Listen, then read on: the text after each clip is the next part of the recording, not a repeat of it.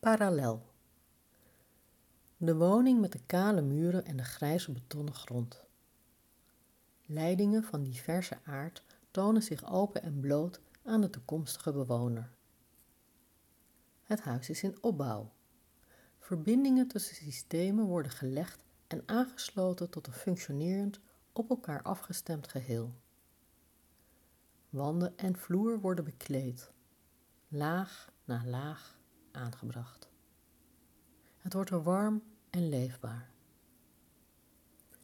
Ik zag de parallel met de menselijke opbouw, het omhulsel waar in de loop van het ontstaan bloedbanen, spieren en organen op elkaar zijn afgestemd en ingeregeld tot een functionerend geheel, aangestuurd door het pompende hart.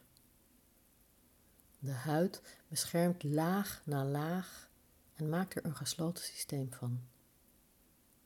Het wordt warm en leefbaar.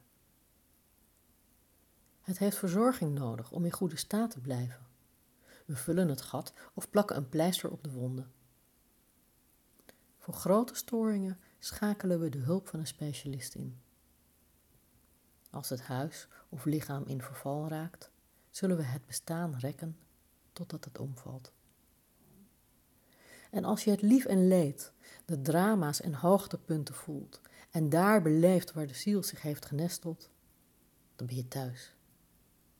In je lijf en in je huis.